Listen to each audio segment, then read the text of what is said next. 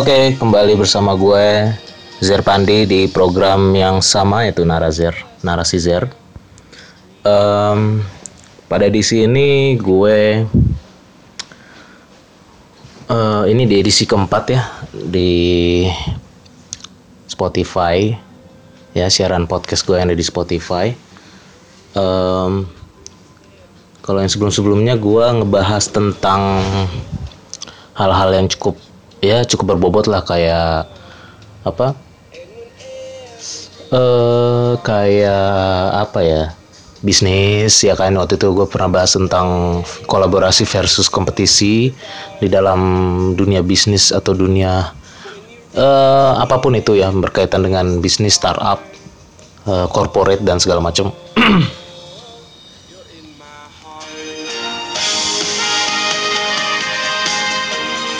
Nah, kali ini gua eh, akan ngebahas topik yang agak ringan tapi sebenarnya berat di, dijalanin oleh generasi muda milenial Batak sekarang.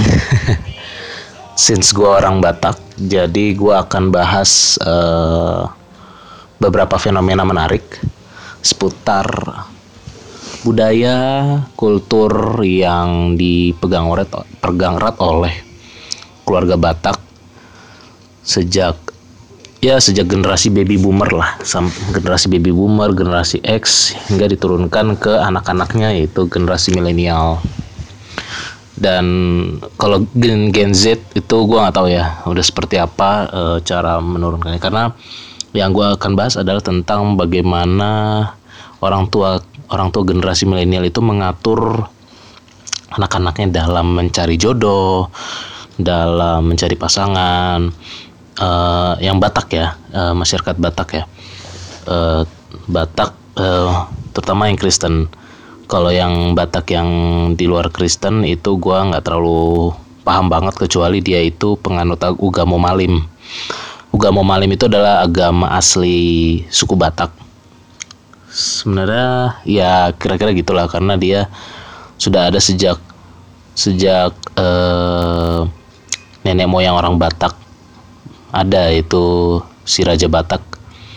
Dia menyembah Tuhannya yang bernama eh, Debata Mulajadi Nabolon nah em, gue nggak bahas itu nggak bahas tentang Ugamo Malim ataupun Parmalim ataupun masyarakat Batak yang di luar non Kristen karena gue adalah orang Batak yang punya latar belakang agama Kristiani. Jadi gue akan bahas sedikit bisa sedikit bisa banyak ya. Em, soal bagaimana masyarakat Batak generasi baby boomer orang tua orang tua generasi milenial ya orang tua gue juga cara mendidik anak-anaknya terutama dalam hal mencari pasangan mencari jodoh terus nanti bagaimana eh, aturan nikahnya standar nikahnya segala macam ya. Em, yang menjadi sering kali menjadi keresahan eh, keresahan generasi milenial, anak-anak generasi milenial yang sudah siap umurnya secara umur dan secara ekonomi dan secara kedewasaan sudah cukup matang untuk menikah.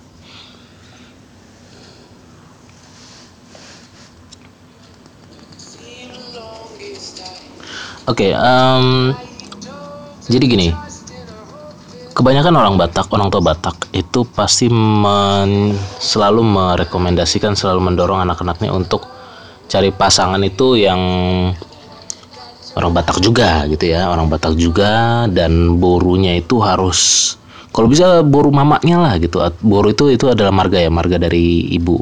Maksudnya perempuan itu kalau dikasih marga itu kan ng- ngikutin marga bapaknya sudah pasti tapi dia bukan dibilang bukan bermarga tapi boru gitu boru perempuan boru itu boru itu ada perempuan nah, gue misalkan gue adalah marga eh, tanpa menyinggung marga apa pun ya. Ini gue ambil dari marga keluarga gue juga ya keluarga kerabat gue juga. Misalkan gue adalah marga marga Sinaga misalnya gitu. Kalau gue marga Sinaga eh, kalau gue punya adik atau punya kakak itu perempuan itu perempuan ya itu dia bukan dibilang bermarga Sinaga tapi boru Sinaga gitu kalau laki-laki putu marga Sinaga kalau perempuan namanya boru Sinaga kalau laki-laki ada marga Simanjuntak yang perempuan dibilang boru simanjuntak gitu.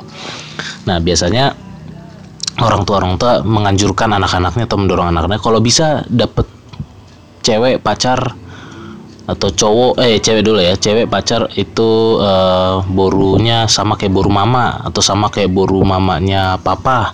Atau sama kayak boru mamanya mama gitu.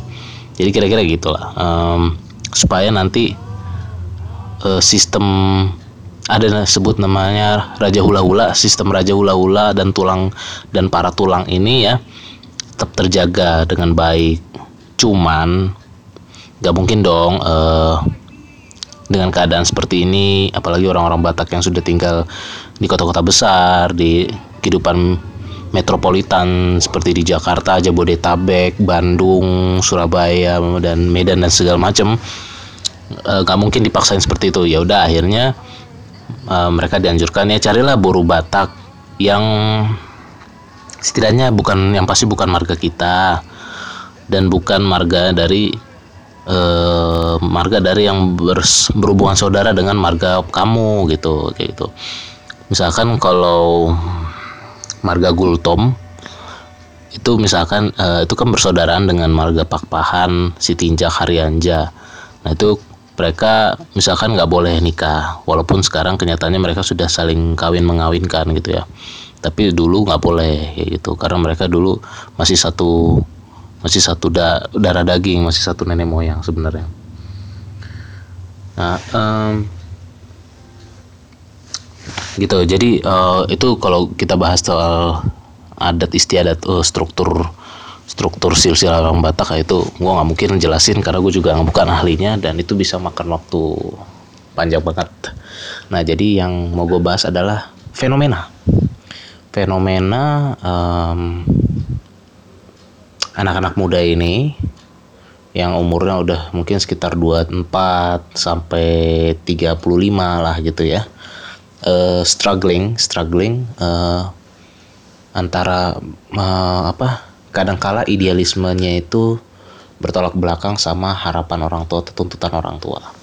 Misalkan gini, nggak uh, cuma orang-orang Batak, tapi anak-anak muda yang sekolah lain pasti kan sebenarnya nggak pengen ya ada beberapa sih beberapa bukan semua. Ada beberapa yang nggak pengen sebenarnya nik nikahannya itu uh, mewah.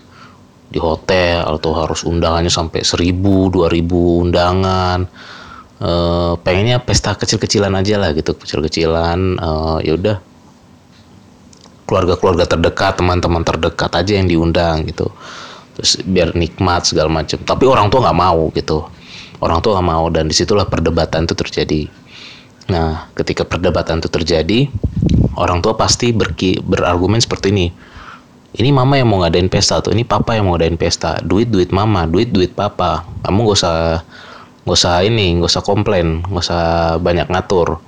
Biarin mama atau papa pengen ngadain pesta pernikahan yang papa atau mama inginkan. Nah syukur-syukur kalau itu memang beneran biaya dari orang tuanya ya. Tapi kadang ada juga yang nggak ada juga sih walaupun gue belum pernah nemu kasusnya ada juga yang pengen uh, pernikahannya itu orang tuanya pernikahannya lumayan besar tapi orang tuanya nggak nggak bisa banyak bantu. Jadi anaknya yang harus ya cari duit sendiri gitu.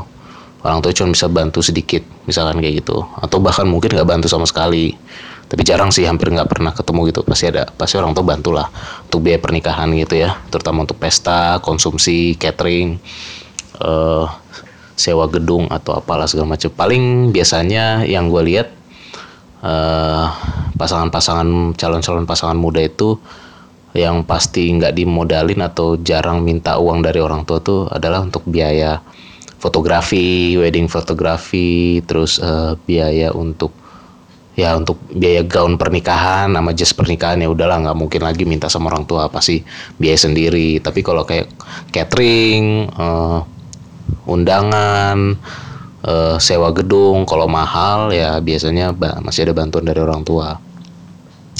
Itu itu uh, itu fakta yang terjadi di sekitar kita. Nah kembali lagi kepada kulturnya masyarakat Batak yang masih dipegang teguh oleh generasi orang tuanya milenial mereka pengen pertama sudah pasti mereka pengen anaknya dapat pacar dapat calon pasangan orang Batak juga. Yang cowok eh, diharapkan dapat cewek Batak yang cewek Batak juga diharapkan dapat cowok Batak gitu.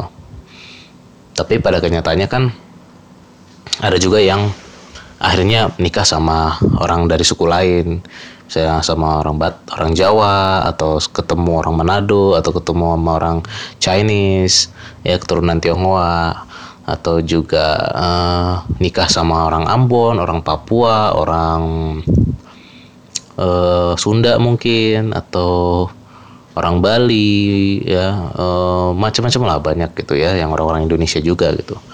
Uh, mungkin kalau masih sama-sama seiman itu enak ya masih sama-sama Kristen atau masih sama-sama Islam atau masih sama-sama Buddha, sama-sama Hindu segala macam. Cuman kadang yang jadi masalah lebih besar lagi itu biasanya kalau udah beda agama.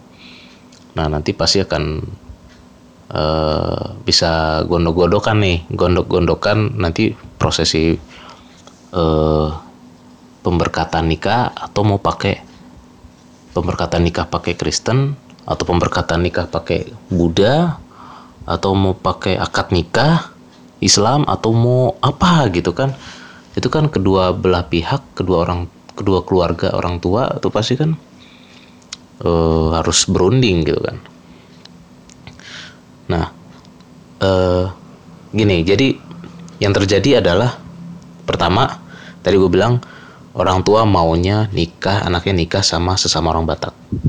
Kedua pesta harus meriah harus megah sesuai dengan citra diri yang sudah dibangun oleh orang tuanya di sekeliling kerabat, di sekeliling kerabat atau di sekeliling perkumpulan, perkumpulan marga dan lain-lain. Karena uh, kalau di Batak itu kan memang sudah dikenal ya uh, sistem kekerabatannya sangat sangat kental, sangat dekat. Jadi maksudnya tidak hanya keluarga satu kakek nenek, tidak hanya keluarga satu kakek nenek, kakek buyut dan nenek buyut, tapi juga bisa sampai perkumpulan yang lebih besar lagi perkumpulan sampai lima generasi lima generasi ke atas uh, atau sampai perkumpulan sejabodetabek perkumpulan sejawa mungkin atau bahkan sampai perkumpulan sedunia kayak yang udah pernah dilakukan oleh uh, perkumpulan marga Simbolon pertama kali di Samosir Danau Toba kemudian diikuti oleh marga-marga lain ya cuma gue lupa marga apa lagi yang terkenal sih dulu pertama kali Simbolon yang memperakarsai nah setelah itu um, nah itu pertama adalah poinnya harus harus sama-sama orang Batak. Kedua, pestanya harus besar dan sesuai dengan standar orang tua. bukan standar internasional, bukan standar nasional tapi sesuai dengan standar orang tua ya. Jadi standar orang tuanya bisa lebih dari standar nasional gitu. Dan uh, itu itu dua dua poin penting. Kalau misalkan kita berseberangan dengan orang tua, ini dengan dua poin ini ya, salah satu ataupun kedua-duanya, ini biasanya akan terjadi uh,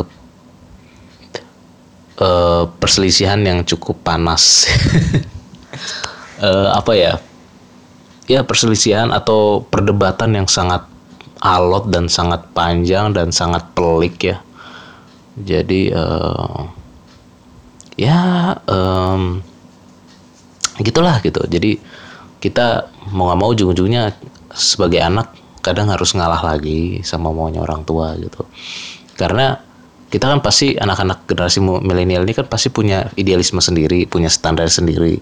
Maksudnya kan gini, kita buat apa habis-habisan bikin pesta pernikahan yang besar, megah, mewah, banyak undangan, habis bisa ratusan juta, bahkan mungkin bisa hampir nyentuh M mungkin, I don't know, kan ya bisa sampai yang pasti rata-rata sih yang gue perhatikan kalau misalkan orang-orang Batak di Jabodetabek kalau dia nyewa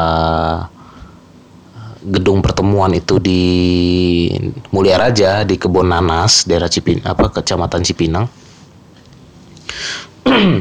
Atau misalkan kayak di gedung Grand Mangaraja di di di di di di di di di, di, di apa sih gue lupa namanya. Di dekat Pulau Gadung sana ya. Atau misalkan ke gedung Balai Samudra yang di Kelapa Gading atau Balai Sudirman yang di di Tebet dekat Manggarai situ. Nah, kalau misalkan tipe-tipe kayak gitu dengan undangan bisa lebih dari 500 atau bahkan hampir itu level ribuan undangan, itu pasti habis setengah M sih. Pasti habis setengah M gitu. 500 juta lebih bisa tuh gitu.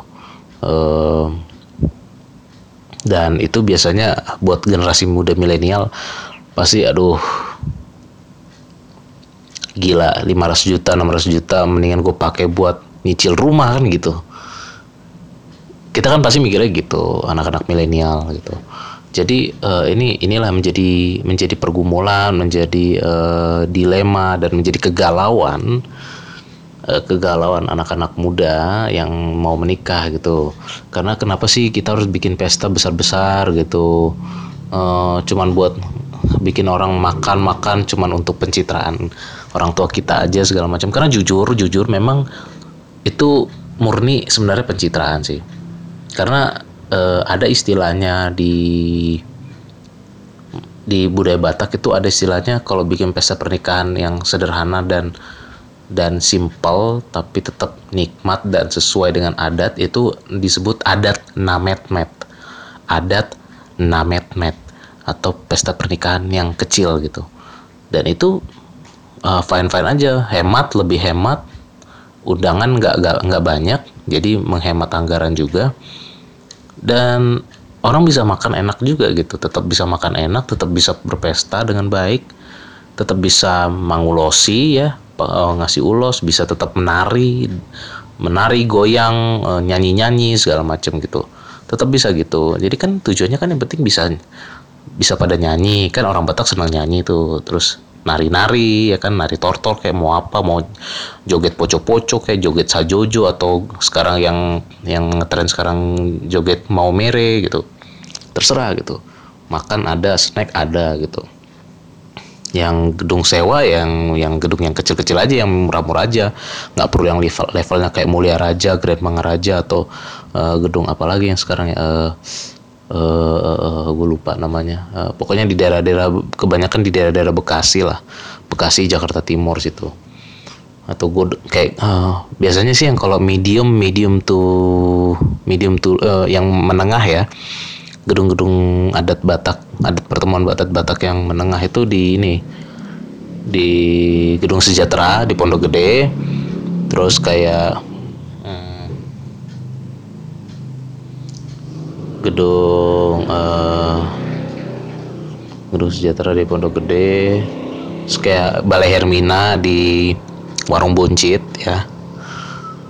Sama di mana lagi kayak sama Kolpatari. Kolpatari di Kelapa eh Kelapa Kolpatari itu di eh, deket Kelapa Gading juga tapi bukan Kelapa Gading. Kayu Putih Kayu Putih. Kayu Putih Jakarta Timur.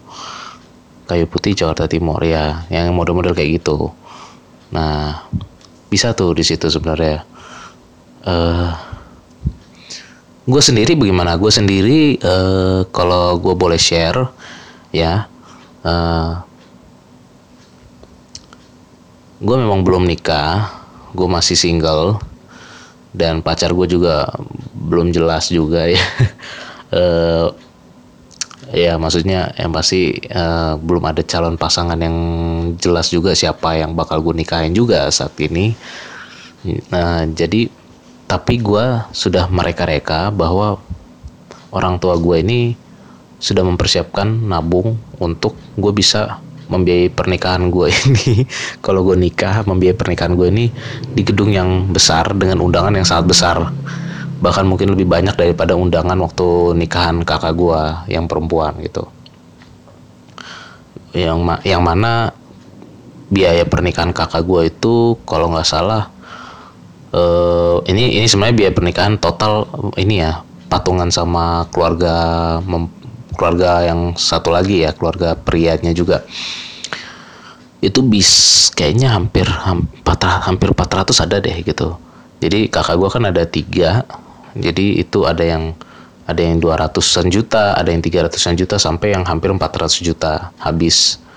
Gitu. Jadi uh, ya itu itulah kenyataannya. Dan itu mereka nikah tuh di tahun 2013 dan 2014 ya e, tiga kali pernikahan dalam dua waktu, waktu dua tahun gitu.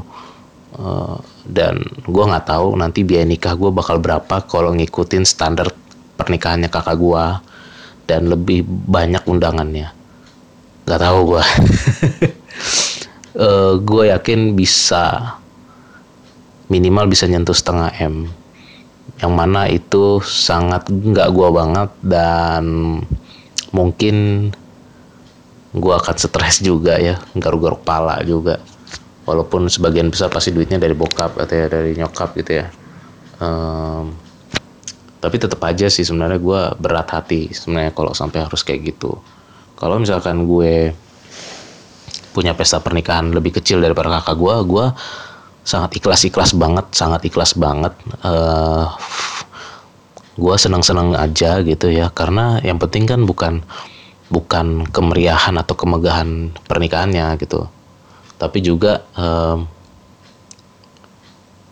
esensinya gitu. Esensi itu artinya uh, apakah lu bener-bener bahagia dan lu bener-bener tulus mencintai dan memilih pasangan lu itu sebagai istri atau suami lu? Kan itu yang penting. Bagaimana nanti lu membina rumah tangga yang yang penuh harmonis dan penuh kedewasaan penuh perhitungan yang matang supaya bisa me mendirikan rumah tangga uh, yang baik yang baik yang bermoral dan menjadi contoh bagi lingkungan sekitar dan juga dalam hal dalam hal keimanan itu berkenan di hadapan Tuhan gitu.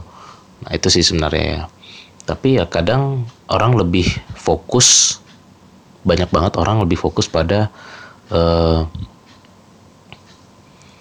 pada hal-hal yang tidak primer gitu, pada hal-hal yang bukan pokok kayak kemeriahan pesta, harus makan enak, gedungnya harus ber AC, uh, eh, wedding fotografinya harus keren, terus gaun pernikahannya harus harus indah kayak uh, kayak putri-putri kerajaan Inggris lah terus jasnya pengantin pria harus mewah terus uh, sortali ya sortali itu kayak uh, penutup kepala untuk yang dipakai untuk adat Batak sortali itu harus indah, ulosnya harus bagus, harus ulos kualitas tarutung segala macam.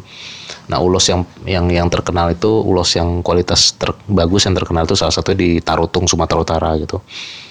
Songket songket nyokap lu harus mantap segala macam. Jadi terlalu fokus pada penampilan, terlalu fokus pada citra sehingga kadangkala melupakan esensi pentingnya. Memang tetap ada mandokata. Mandokata itu uh, kayak petuah-petuah yang diberikan kepada pengantin baru dari orang tua orang tua berbagai pihak, berbagai marga yang terkait gitu ya. Tapi tetap aja uh, itu hanya lip service sebenarnya, hanya lip service. Pada kenyataannya itu hanya lip service, cuman omongan belaka kadang mereka juga nggak peduli gitu. Uh, besok juga mereka udah lupa apa yang mereka omongin gitu. Kecuali keluarga yang terdekat ya kayak keluarga dari nyokap keluarga dari nyokap tuh uh, biasanya kita bilangnya tulang. Tulang itu kalau ada saudara laki-laki dari nyokap terus keluarga dari uh, orang apa? Keluarga dari keluarga dari bapak itu biasanya kalau ada adik adik kita adik bapak kita cowok ada bapak udah ada abang kita ada abangnya bokap kita itu cowok bapak tua terus kalau yang saudara-saudara perempuan dari bokap itu namanya namburu namburu namburu gitu. Nah biasanya mereka akan ada mandokata memberikan sepatah dua patah kata. Yang mana sepatah dua patah katanya itu eh, saking banyak patahnya ya jadi durasinya bisa kayak durasi lima lagu gitu ya. Uh, jadi kira-kira gitu. Uh. oke okay, jadi uh, itulah. Jadi yang fenomena yang terjadi di perkotaan yang mana generasi tua Batak ini tetap mempertahankan adat-adat budaya me, untuk pernikahan anaknya, kemudian walaupun orang tua Batak di di metropolitan ini seperti di Jabodetabek, Bandung dan sekitarnya itu jarang mengajarkan anaknya bahasa Batak, tapi e, orang tua ini selalu kalau ngobrol antara bokap dengan nyokap atau nyokap dengan bokap atau dengan bokap dengan saudara-saudaranya, nyokap dengan saudara-saudaranya, nyokap dengan saudara-saudara bokap atau bokap dengan saudara-saudara nyokap itu pasti akan ngobrol pakai bahasa Batak. Dan yang mana itu menjadi uh, uh, bahan menjadi pelajaran bahasa Batak yang sangat praktikal. Sangat praktikal. Kita benar-benar langsung praktek.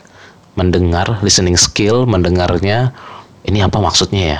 Oh kalau nunjuk-nunjuk ini berarti artinya uh, begini gitu. Terus kalau kalau kita dimarahin oh itu artinya rupanya artinya gimana sih kamu ini? Oh itu artinya ya kalau dia lagi ngomong begitu berarti artinya gimana sih kamu ini? Misalnya gitu. Jadi benar-benar praktikal. Jadi nggak ada belajar grammar nggak ada belajar kah apa kayak bahasa Indonesia lah kita kayak subjek predikat objek. Udah kita belajar aja bahasa Batak tuh by praktikal aja dengan dengar percakapan orang tua kita sehari-hari gitu. Uh, jadi uh, kita diajarin bahasa Batak by practical. Jarang banget ada yang diajarin kayak diajarin kayak guru gitulah. Ini A B C uh, bahasa Bataknya makan mangan. Bahasa Bataknya minum minum. Bahasa Bataknya uh, apa? Ketawa mekel atau apa kayak gitu. Nggak ada nggak ada. Benar-benar kita praktikal banget gitu. Kehidupan sehari-hari banget kita belajarnya by conversation. Eh, dan secara alami. Ada yang berhasil menyerap banyak perbendaharaan kata Batak dan ada yang berhasil bisa merangkai kalimat dan membuat percakapan bahasa Batak, tapi ada juga yang enggak. Ada juga yang sedikit bisa menyerap ya. Itu tergantung masing-masing anak-anak muda milenial ini uh, atau bahkan anak-anak generasi Z ini gimana nanti mereka menyerap bahasa Batak di dalam kehidupan sehari-hari orang tuanya melalui percakapan uh, jadi uh, itu aja. Uh, sedikit keluh kesah dan yang gue amati. Keluh kesah. Sebenarnya itu keluh kesah gue juga gitu tentang standar pernikahan yang terlalu tinggi dan terlalu boros ya. Intinya tuh boros boros.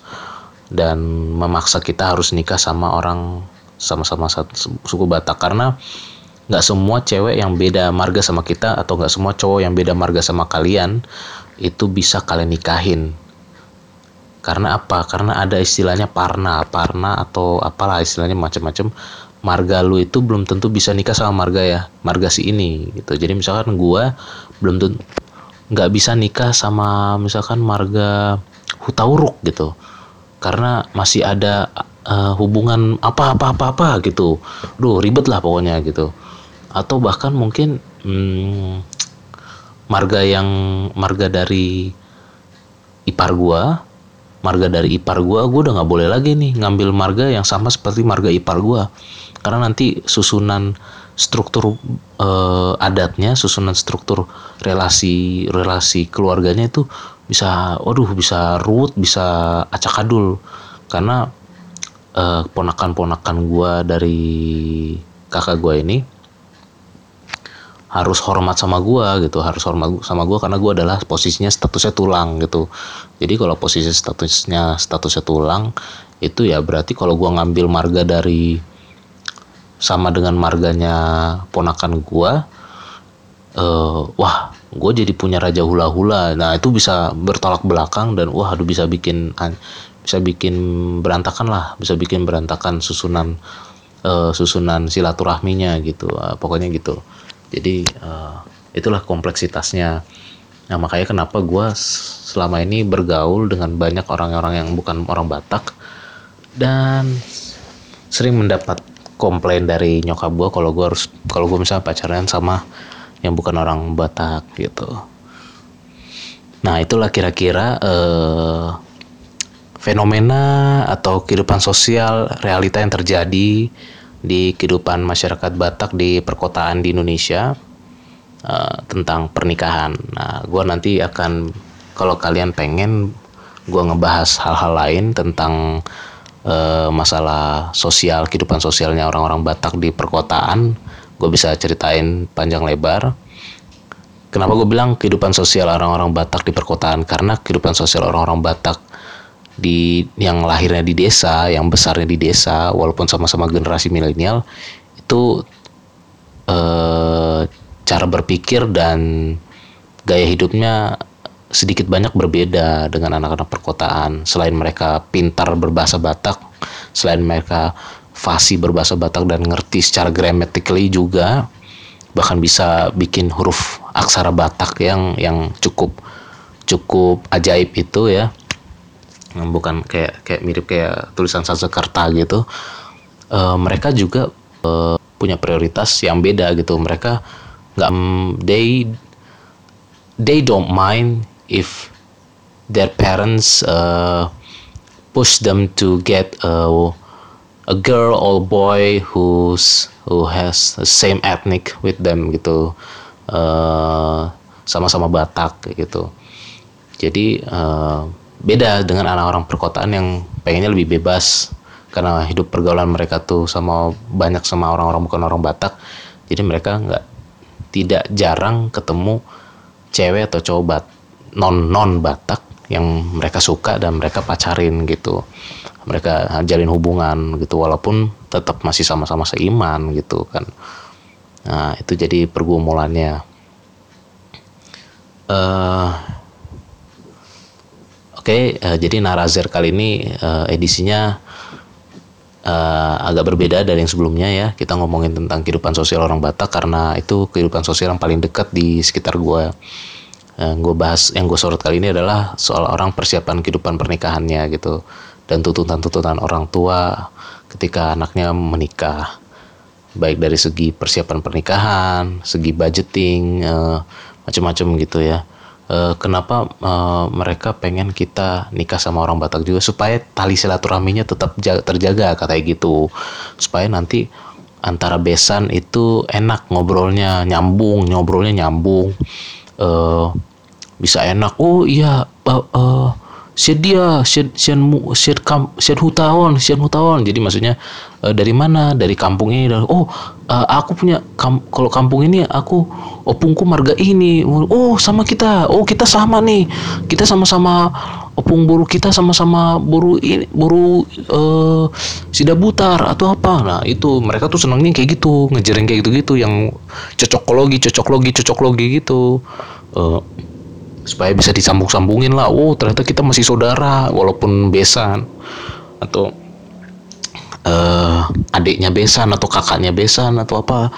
Wah pokoknya gitu deh. Jadi sebenarnya penting gak penting sih buat masyarakat milenial sekarang karena ya buat apa lingkaran kita situ-situ aja. Kenapa kita nggak meluas memperluas diri? Karena kan kita juga kan hidup di kehidupan yang uh, sudah era internet era modern. Ya kita kalau era modern kan seharusnya udah nggak terlalu mau nggak terlalu menekankan primordialisme lagi semangat semangat kedaerahan itu ya kalau bisa agak-agak dikurangi dikit lah. Karena kan kalau kita terus-terusan semangat kedaerahan kapan Indonesia ini bisa bersatu secara utuh dan sejati gitu sih.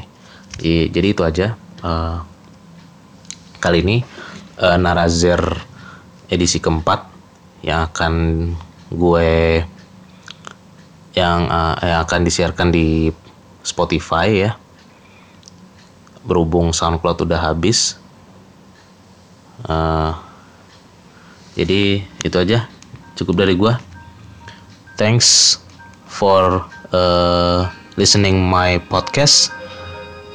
Kita boleh ngobrol-ngobrol lagi lebih jauh lagi lewat Twitter gue di Zerpandie. Lewat DM bisa mention bisa. Nanti kalau mau tahu emailnya nanti gue akan kasih email gue lewat lewat ini ya lewat Twitter juga oke okay, see you around and ciao Bella